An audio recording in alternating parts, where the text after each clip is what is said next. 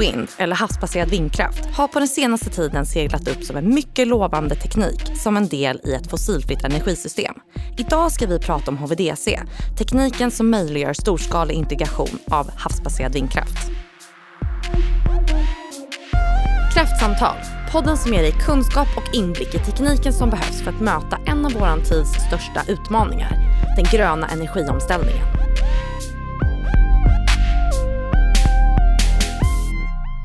Vägen mot en framtid med fossilfri energiförsörjning kan tyckas som en ganska lång och svårnavigerad väg.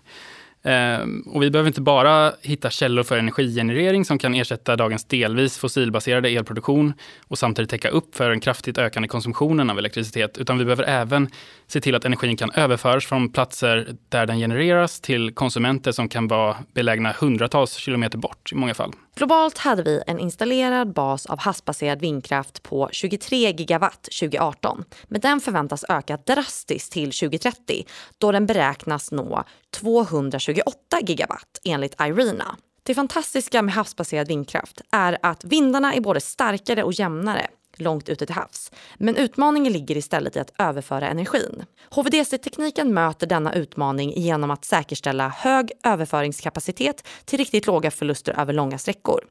Ett strålande exempel är utbyggnaden av havsbaserad vindkraft på Doggerbank. Ett projekt som kommer förse 6 miljoner brittiska hem med förnybar energi.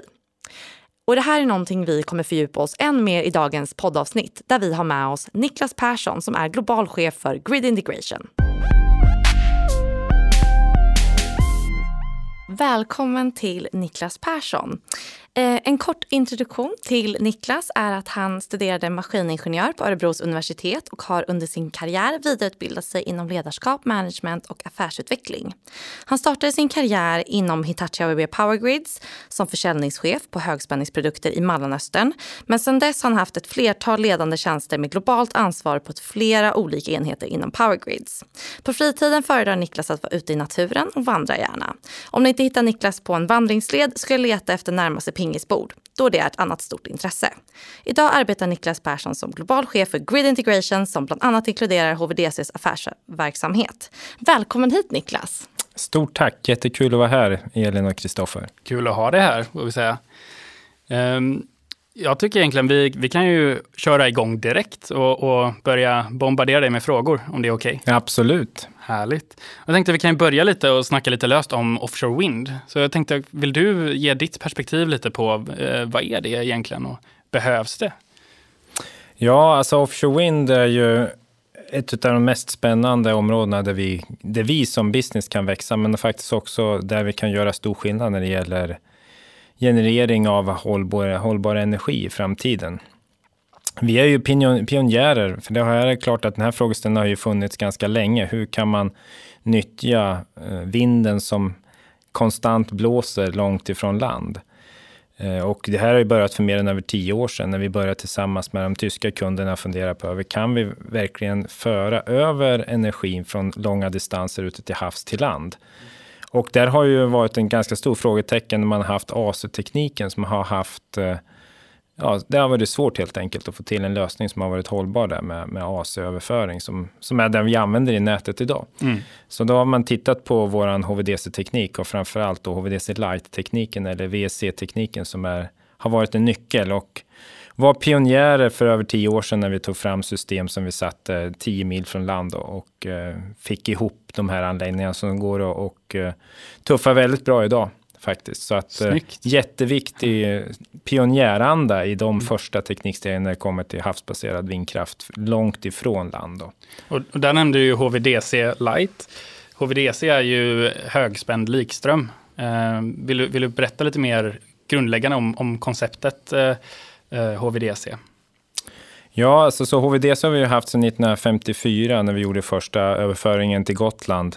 Eh, då med en annan teknik och en annan typ av ventil. Men, men i princip kan man väl säga att eh, istället för AC där man bryter genom nollgenomgången och man kan enkelt sammankoppla olika typer av regioner eller olika typer av nät på ett, på ett enkelt sätt. Medan eh, HVDC är det ju en konstant överföring av kraft där vi inte har någon nollgenomgång. Så att i tidigt skede så har vi egentligen bara haft tillgång till HVDC från A till B och då för, eh, primärt för låga förluster.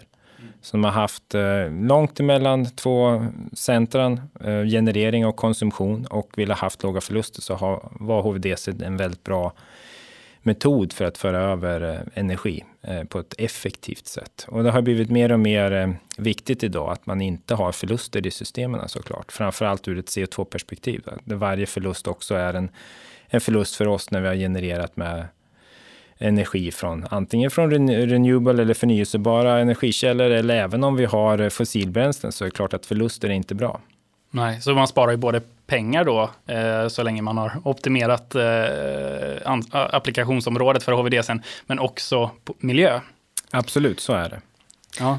Och Niklas, du nämner att eh, det är HVDC Light. Kan du förklara och berätta lite om hur, vad, vad gör Eh, HVDC Lite Light till den unika tekniken när det kommer till den här typen av applikationer? Mm, så egentligen kan man väl säga då att HVDC Classic som vi kallar det, turistbaserad teknik på ventilen, den eh, för över egentligen eh, kraft från A till B över långa distanser med låga förluster. Men när man är långt ute till eh, land eller till havs från land då, så har man problem med genereringen. Vinden blåser inte konstant. Man har problem med frekvensstyrning. Man har problem med spänningsstyrning också på samma sätt och för att få över kraften. Skulle man göra det här i ett AC-nätverk så skulle man ha problem att kontrollera det här på ett effektivt sätt. Men tack vare våran VC-teknik eller light-teknik så kan man faktiskt kontrollera och reglera eh, baserat på hur vinden blåser då, både frekvens och spänning och få över den kraft i en i ett, på ett enkelt sätt och ett kontrollerat sätt. Så att det är väldigt viktigt just den här IGBT-baserade ventilen som gör att vi kan styra både spänning och frekvens eh, på ett effektivt sätt och hantera då både aktiv och reaktiv effekt på samma gång. Just det. det och, och jag, jag, tänk, jag kan tänka mig bara att ni har verkligen behövt stå inför nya utmaningar just när vi går och ser den här trenden att vi blir mer havsbaserad vindkraftverk då i det här exemplet. Vad, vad stöter ni på för utmaningar just att göra den här resan över att för att klara av att överföra den här typen av energi över så långa distanser och genom havet helt enkelt? Ja, så att eh, såklart så det är många utmaningar i början där måste jag ja. säga. Men, men många pratar som, ofta om ventilen som det, det viktiga. Att vi ska kunna föra över tillräckligt med kraft och att den ska bli större och mer kraftfullare. Och vi kan ha 1000 megawatt eller 2000 megawatt genom ett block för att vara, få ner på på storleken av plattformarna som vi sätter ute till havs, vilket är såklart jätteviktigt. Och vi har ju haft eh, många, många års eh, utveckling för att få till de här ventilerna att vara så små och effektiva som möjligt för att få ner den totala kostnaden. Att det blir verkligen lönsamt att eh, ha eh, havsbaserad HVDC-teknik. Då. Men jag skulle vilja säga att det är området som vi inte pratar om så mycket, som kanske är det mest spännande. Och det är egentligen hur man kontrollerar och styr de här plattformarna. Man kan ju tänka sig då att om vinden helt plötsligt försvinner eller halva halva genereringen av vindkraftparken får mindre, eh, mindre blåst och, och se till att styra det här på ett bra sätt eh, och, och, ha en konstant överföring av, av, kraft till land så är det ett otroligt eh, arbete som har lagts ner av teamen som har jobbat just med vår kontroll och skyddsutrustning. Och eh, det är inte så många som pratar om, men jag skulle mm. vilja säga att det är ett av våra viktigaste områden och väldigt spännande områden också, för just det här är ju digitalt idag. Mm. Och eh, otroligt kraftfulla maskiner och eh, väldigt, väldigt kompetenta människor som jobbar med hur, hur man kan kontrollera de här systemen på ett effektivt sätt. Mm. Så det har gått till att vara ett väldigt levande dynamiskt system som, som, är, som är smart och anpassar sig. Ja, precis. Och sen samtidigt måste man kunna klara av alla typer av fel som kan hända. Ehm, och utan att du ska ha kraft som eh, inte levereras helt enkelt. Så att eh, försöka tänka ut alla scenarion som kan hända med naturen och sen samtidigt eh, även med våra produkter så att om det är någonting som fallerar, vilken redundans ska du ha och hur hanterar du det på ett snabbt sätt utan att det blir några problem i nätet. Då. Så jag skulle vilja säga att både ventilen när det gäller hur kraftfull den är samt eh, kontrollsystemet är otroligt viktigt. Just det. Eh, jag tänkte eh, gå tillbaka lite igen där på eh, när det gäller HVDC Lite, för annars så har vi också HVDC Classic. Eh, och, och, HVDC Classic, vi, vi säljer ju fortfarande det också i parallell med Lite. Vad, vad är fördelen med Classic? När använder man Classic? Så att jag skulle säga att Classic är lite, lite billigare, kan man Mm. säga så? Jo, det kan man nog. Och, och när, framförallt så har vi ju fått upp också kapaciteten upp till Eh, 1100 kilovolt upp till 12, 12 eh, gigawatt som vi kan ha varit med och överfört över, över 3000 kilometer eh, distans då i Kina framförallt. Så att när det gäller eh, bulk power transmission så är ju Classic eh, överlägset eh, överlägset eh, light. När du har starka nät också. Så att du måste ha ett konsumtions, en stark generering och även när du, när du landar an eller, eller all energi på, i en stad till exempel så ska den kunna klara av att falla bort då kanske 5 gigawatt eller 3 gigawatt på en gång. Det är faktiskt inte så många nät, framförallt inte i Europa och USA, som klarar av att göra det. Du kan inte ha ett sådant bortfall för då kollapsar hela, nät, hela systemen. Medan i Kina, Indien och delvis i Brasilien så har du ganska starka konsumtionscentran och då funkar det att ha den lösningen. Handlar det om att vår infrastruktur är lite äldre i västvärlden? Ja, eller? det är byggt på ett sådant sätt så att du har, och vi har inte lika mycket folk och inte lika mycket industrier på ett och samma ställen. Så att det är byggt på ett annat sätt. I och med att du har flera länder också så har du inte så. så man brukar prata då om att man kan inte tappa mer än två gigawatt i Europa på en, i en nod. Mm. Eh, För att då är det risk att det kollapsar då. Då kan vi inte hålla spänning och frekvensstyrning på nätet då från eh, ett TSO-perspektiv. Men det som skiljer då med lighten är ju att eh, när du har mycket renewable, både sol och vind som kommer in, så är ju den in, i, är ju väldigt fluktuerande. Vilket gör att du måste kunna kontrollera det på ett, eh, på ett bra sätt med eh, både frekvens och spänning, att kraften kommer och går. Och det kan du göra tack vare eh, IGBT eller VSC-tekniken som vi har då, eh, på ett mycket, mycket bra sätt. Och det är det som skiljer Classic och Light, att du har inte samma kontro- möjlighet att kontrollera systemet mellan Classic och Light. Och det är därför vi har satsat. Och idag satsar man på Light, det är överlägset, för överallt där man tar in nya energislag så går man inte på Classic, utan man går på, på Light. Sen är det ju så att Classic kan man ju använda om man egentligen bara vill koppla ihop två nät, ett med 50 eller 60 hertz. Så kan man använda en ganska enkel maskin och bara koppla ihop det mellan två länder eller två delstater i USA och så, så kan du få en billigare lösning. Om du inte behöver reglera eh, massa problem eller så i nätet då. Just det. det. Det enda jag har hört talas om, eller det klassiska exemplet är ju i, i Japan, i Tokyo, att de kör i, i samma stad 50 och 60 Hz nät. Så där så, så använder de också HVDC-teknik. Då, då är det. Ja, alltså hela Japan är ju delat mellan 50 och 60 hertz. De köpte maskiner från USA och maskiner från Europa när de började generera sin kraft. Och den ena gick på 50 hertz med IEC och den andra gick på 60 hertz med ANSI. Så idag är det delat. Så att egentligen för att koppla ihop Japan så måste man då ha HVDC-teknik. Det kan du göra med Classic. Men när vi nu eh, går in och tar in renewables samtidigt, Mm. med vind framför allt, så måste du också kunna styra det på ett bättre sätt och då använder man VC-tekniken. Just det. Och jag tänker att, eh, att introducera eh, förnybar energi i elnäten, det blir ju bara mer och mer eh, populärt och det är det, precis det trenderna pekar på. Hur, eh, hur, eh, hur viktig central del skulle du säga att HVDC-tekniken har i den här övergången som faktiskt har påbörjats rejält? Jag skulle vilja säga att den är helt avgörande om eh, vi inte ska få all generering med vind och sol i närheten där vi bor. Vilket kan vara svårt att få acceptans ifrån, ifrån folkopinionen. Då. Så att eh, ska vi ha generering långt ifrån våra ja, kraftcentra eller load centers så är HVDC helt avgörande för framtiden om vi ska få det, få det här att fungera. Och jag tänker utifrån ett eh, marknadsperspektiv, hur, eh, hur hett skulle du säga att det här, den här frågan är? Jag skulle vilja säga att vår bransch har blivit väldigt het och, och väldigt eh, intressant. Eh, eh, faktiskt. Jag, jag tycker att eh, om man tittar också på hur länder, regeringar, hur eh, styrande organ och även hur våra kunder pratar idag så är det ju väldigt, väldigt hett på agendan. Det är ju i nästan varenda möte som jag är i så tittar man på de här frågorna. Hur kan vi få in mera, mera förnyelsebar i, våran, i våra system och vad använder vi för teknik då? Och då finns det ett antal tekniker. Så HVDC är såklart en av dem som är utifrån havs och in på, på land, men också att ta kraften i, över lite längre sträckor som i Tyskland från norr till söder så använder man HVDC.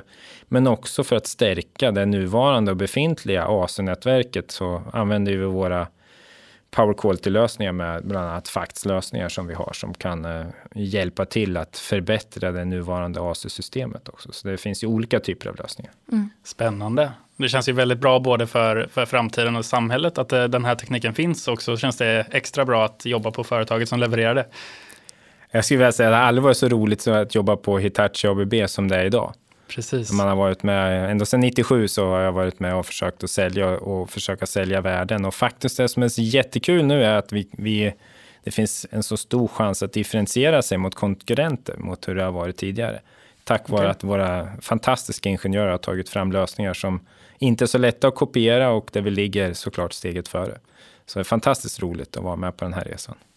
Ja, det är toppen. Eh, vi har ju också nyligen vunnit ett, ett väldigt stort projekt Doggerbank som jag nämnde i inledningen. Mm, vill du berätta lite om det?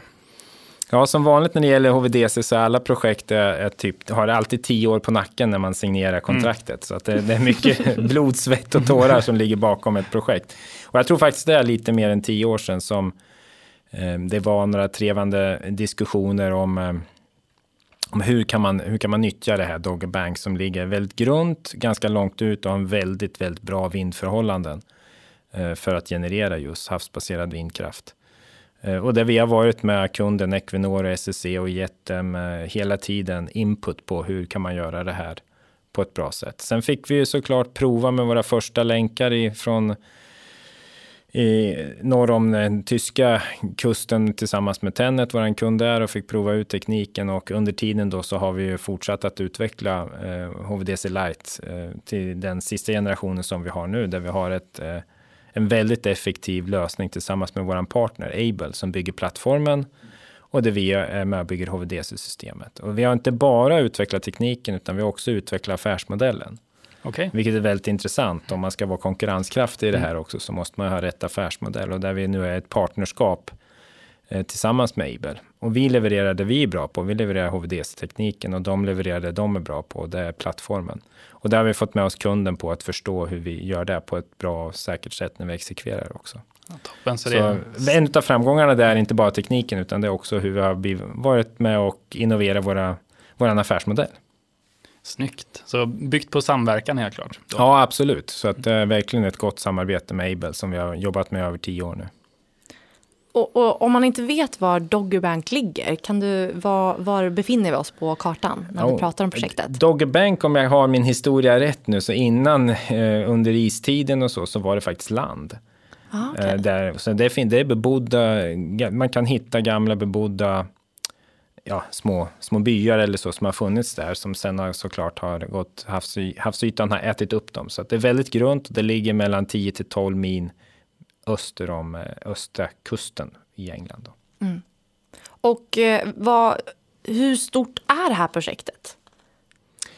Ja, alltså det är ju ett um, projekt som är 3 gånger 1200 megawatt. Om man då säger att en kärnkraftsreaktor kan gå upp till ungefär 1000 megawatt och så, det är nästan fyra kärnkraftsreaktorer som, som är, kommer av vind då, fast ute till havs som vi tar in genom tre stycken plattformar till, till land. Då. Så det är fem eller sex miljoner människor som får eh, grön energi till sina hushåll.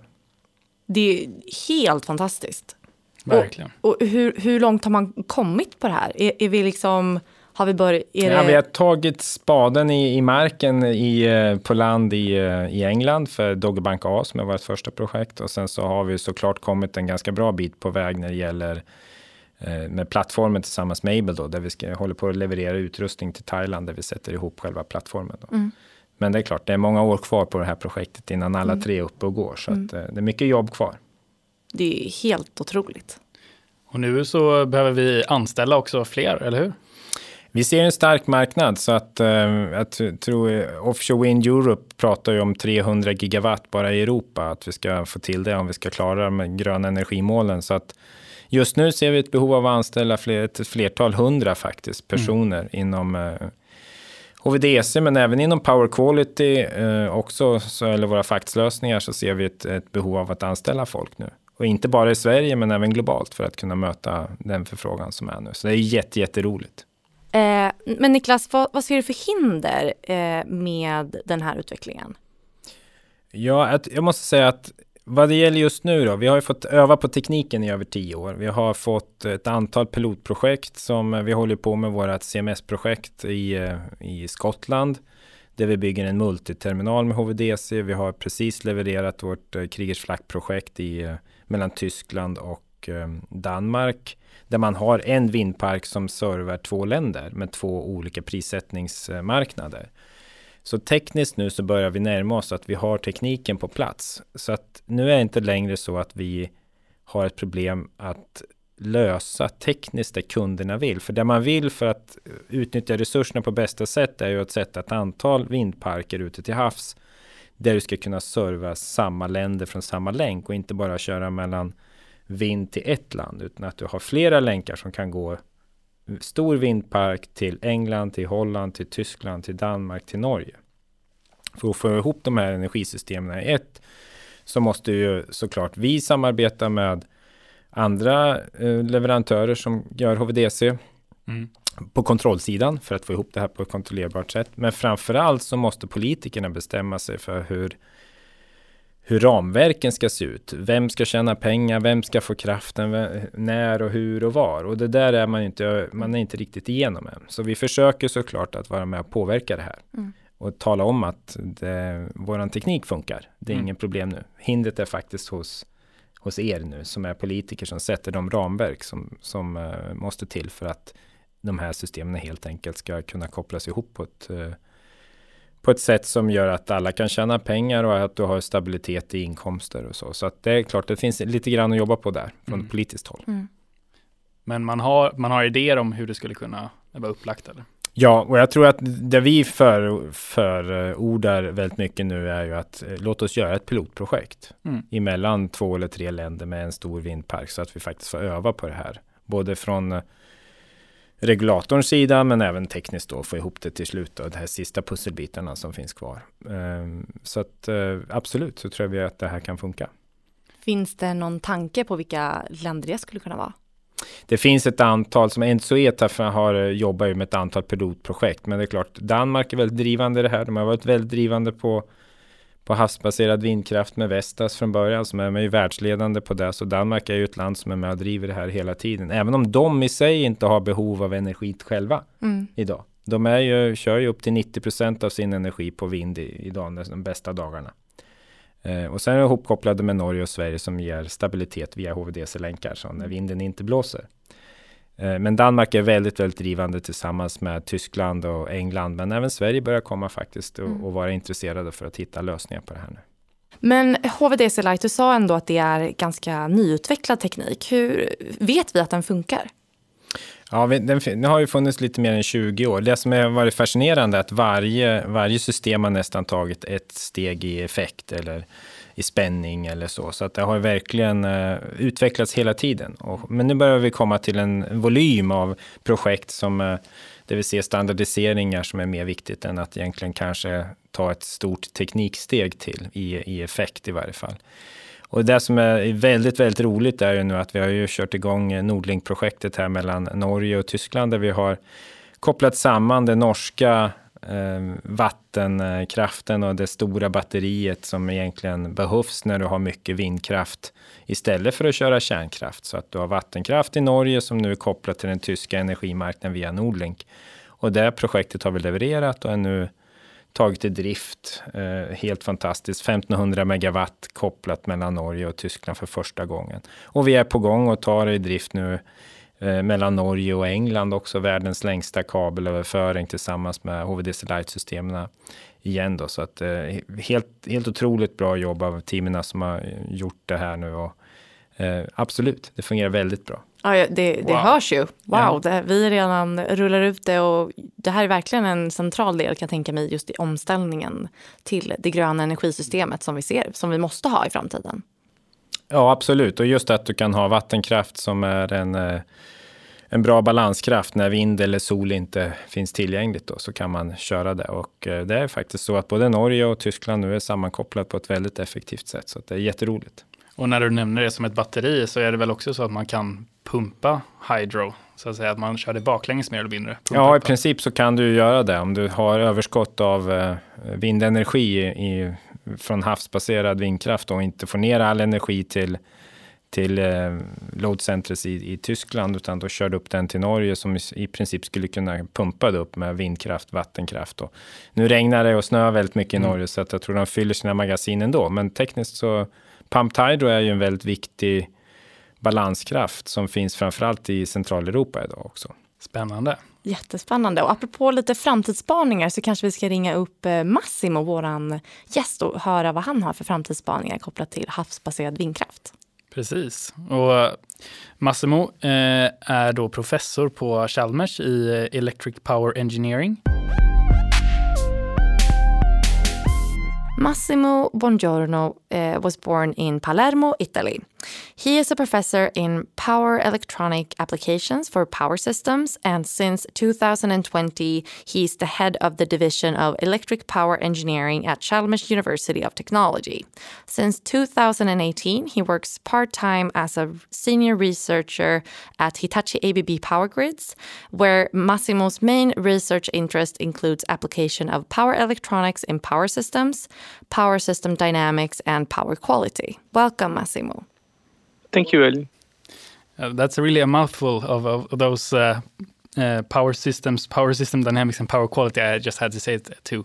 Um, but the, our main question to you today, Massimo, is uh, so offshore wind is is booming, and and so is actually HVDC uh, technology in the market. So, so what major technological or, or commercial developments do you foresee in the coming years, since you are working on, on a research stage and, and looking a lot into the future, I guess? Yes. Well, I mean, uh, it's it's a huge area, and there are a lot of things that are going to happen in the future. Uh, but I think that one of the most interesting directions uh, relates to all uh, DC solutions for uh, wind farms. So we know that today we have basically an AC wind farm that then is connected through the shore, to the shore through an HVDC link, for example. Yeah. But uh, this comprises then a large uh, offshore station for the HVDC, uh, the need for platforms for this, etc. So I think that in the future what we'll see is that there will not be this intermediate stage in AC, but we'll have directly DC at the output of the wind turbines and then a collection grid that is in DC and uh, transmitted then to the shore. I think this is the, one of the most interesting parts, to be honest. What do you think, Niklas? No, I think uh, Massimo is right. That, that this is, of course, um, already what we have done before. In the early phase, we had wind farms, and you had AC platforms, and then from AC to a DC platform. So have, we have already eliminated one step of this separate AC platform. So now you have AC and DC in the same platform. But uh, with uh, the HVDC breaker that is going to, well, it's already there. As mm. I said earlier in the pod, that we have already the technology building blocks are already available. Then you can, of course, have a collection grid in DC as well, and then you have even a higher efficiency in building these kind of systems and uh, and a better um, so so does that build a lot of cost to to to use the HVDC breaker then or DC breaker? Yeah, then you can have a, a ring as we discussed yeah. earlier yeah. in the in the pod. We, you can have a ring and you can also decide where where and how you would like to evacuate power, but also how you how you manage uh, system uh, interruptions. Yeah.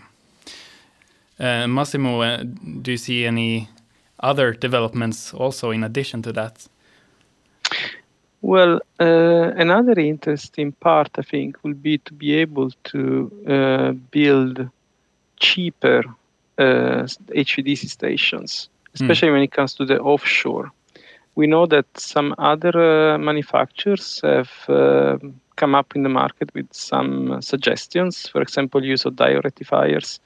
But um, yeah, I have some doubts on that specific solution, but I okay. think that it is a good way to go to try to make it as cheaper as possible.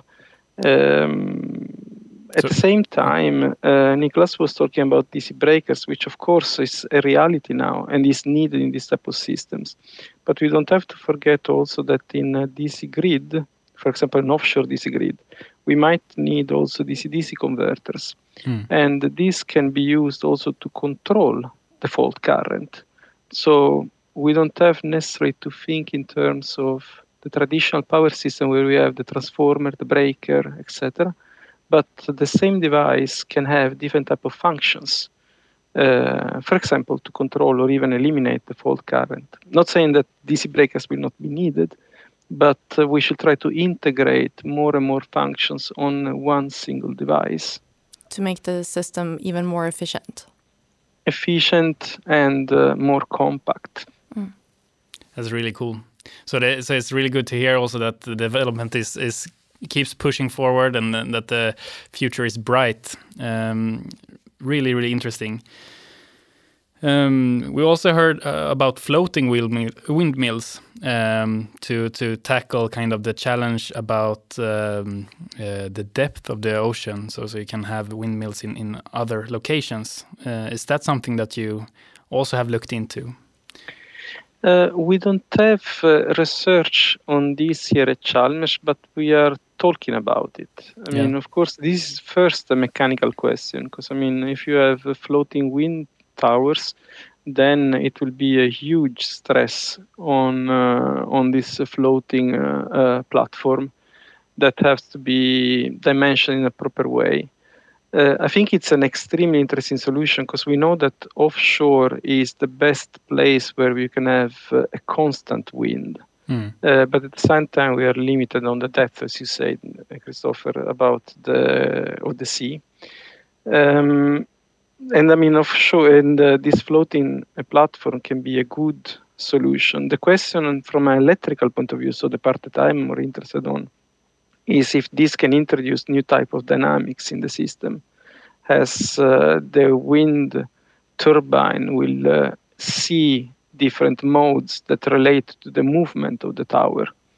Okay. and if this can interact in the system or not. So it's more research for us eventually. It's really good it's very interesting yeah. thank you so much for joining us today massimo it was a pleasure and thank you very much for inviting me thank, thank you. you.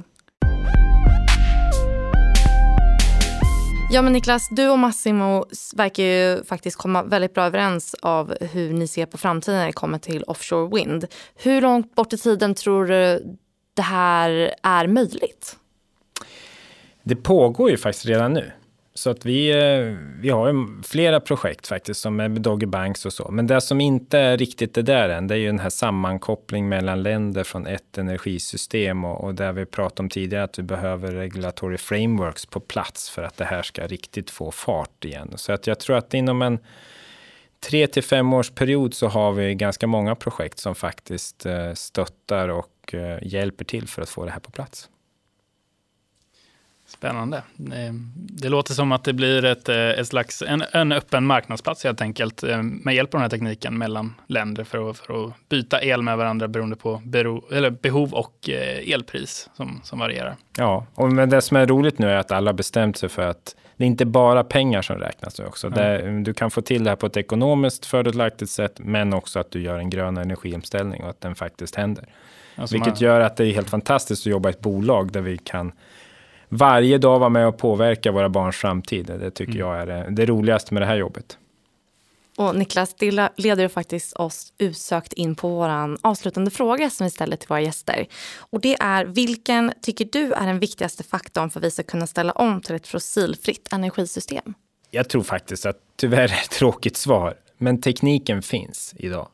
Eh, jag tror att det handlar om den politiska viljan och den politiska Eh, samverkan för att framförallt inom Europa att få det här på plats. Jag tror att USA nu verkar att eh, verkar kunna gå sin väg eh, och förhoppningsvis får Biden administrationen sin, det här på plats nu så att de verkligen kan ta det här steget som de behöver göra.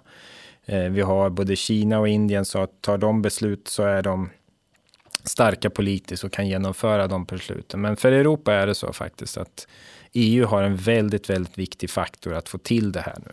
Mm. Och får, eh, får de den plattformen att jobba ifrån så är det egentligen det som fattas. Och sen så är det för oss att exekvera. Precis, vi har kapacitet att eh, fortsätta göra våra energisystem grönare helt enkelt. Absolut. Fantastiskt att höra. Tack så jättemycket för att eh, du var med idag. Stort tack Niklas. Tack Elin, tack Kristoffer. Kul att vara här. Ja men Kristoffer, det låter ju ändå som att eh, HVDC-tekniken och utvecklingen av eh, att eh, eh, möjliggöra havsbaserad vindkraft definitivt är på rätt spår, eller vad säger du?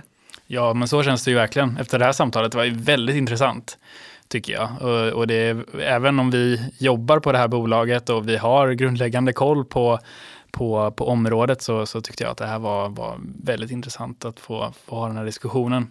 Och det är, det är också intressant att det är så cutting edge teknik, men det finns där. Men det har också varit cutting edge i, sedan 50-talet mer eller mindre. Eh, och att man, man fortsätter hålla det relevant. Eh, så det är kul att det, det tar fart. Verkligen, och det känns ju ganska betryggande att det faktiskt är på rätt att vi faktiskt går rätt väg och att den här tekniken finns på plats och nu handlar kanske snarare handlar om att de politiska incitamenten faller på plats för att säkerställa och möjliggöra det här. Men eh, Kristoffer, eh, eh, utöver att det här var ett väldigt spännande samtal, vad, vad är det du tar med dig efter dagens inspelning? Jo, men jag tar ju faktiskt med mig eh, just den här vikten av, av samverkan mellan länder nu då, som, eh, som eh, måste finnas på plats. Att, att man bygger det här tillsammans, att man, man använder tekniken för att inte bara att alla ska tjäna pengar, men också för att eh, man fokuserar på, på den gröna omställningen. Det var ju väldigt fint budskap eh, och det känns bra. Eh, vad var det som stack ut mest för dig? För mig så tar jag med mig ändå att vi är på rätt väg. Jag tycker att eh, eh många gånger så så blir fokuset oftast på hur mycket arbete vi har kvar att göra. Men här känns det som att faktiskt kanske tekniken är på plats, kunskapen är på plats, men att det snarare kanske behövs eh, de där extra eh, incitamenten, framför, framförallt kanske från politiska hållet för att säkerställa att det här faktiskt blir gjort och blir av och prioriteras. Och det eh, hoppas jag att eh, vi tillsammans med både nationellt och globalt att vi kan enas om och gå framåt i den här transformationen över till ett mer mer grönt energisystem. Absolut. Ser verkligen fram emot att prata mer om det här i framtiden. Så, uh... Ja, absolut. Tack, Men Elin. Eh, stort tack Kristoffer. I nästa avsnitt så ska vi prata om elkvalitet och hur man optimerar elnätet på bästa sätt. Vi möter Anna Svensson från Hitachi ABB Powergrids som bjuder på insikter och kunskap kring det globala och det svenska elnätet. Och vi gästas även av Daniel Gustafsson som delar med sig av Svenska kraftnäts syn på elkvalitet. Missa inte det.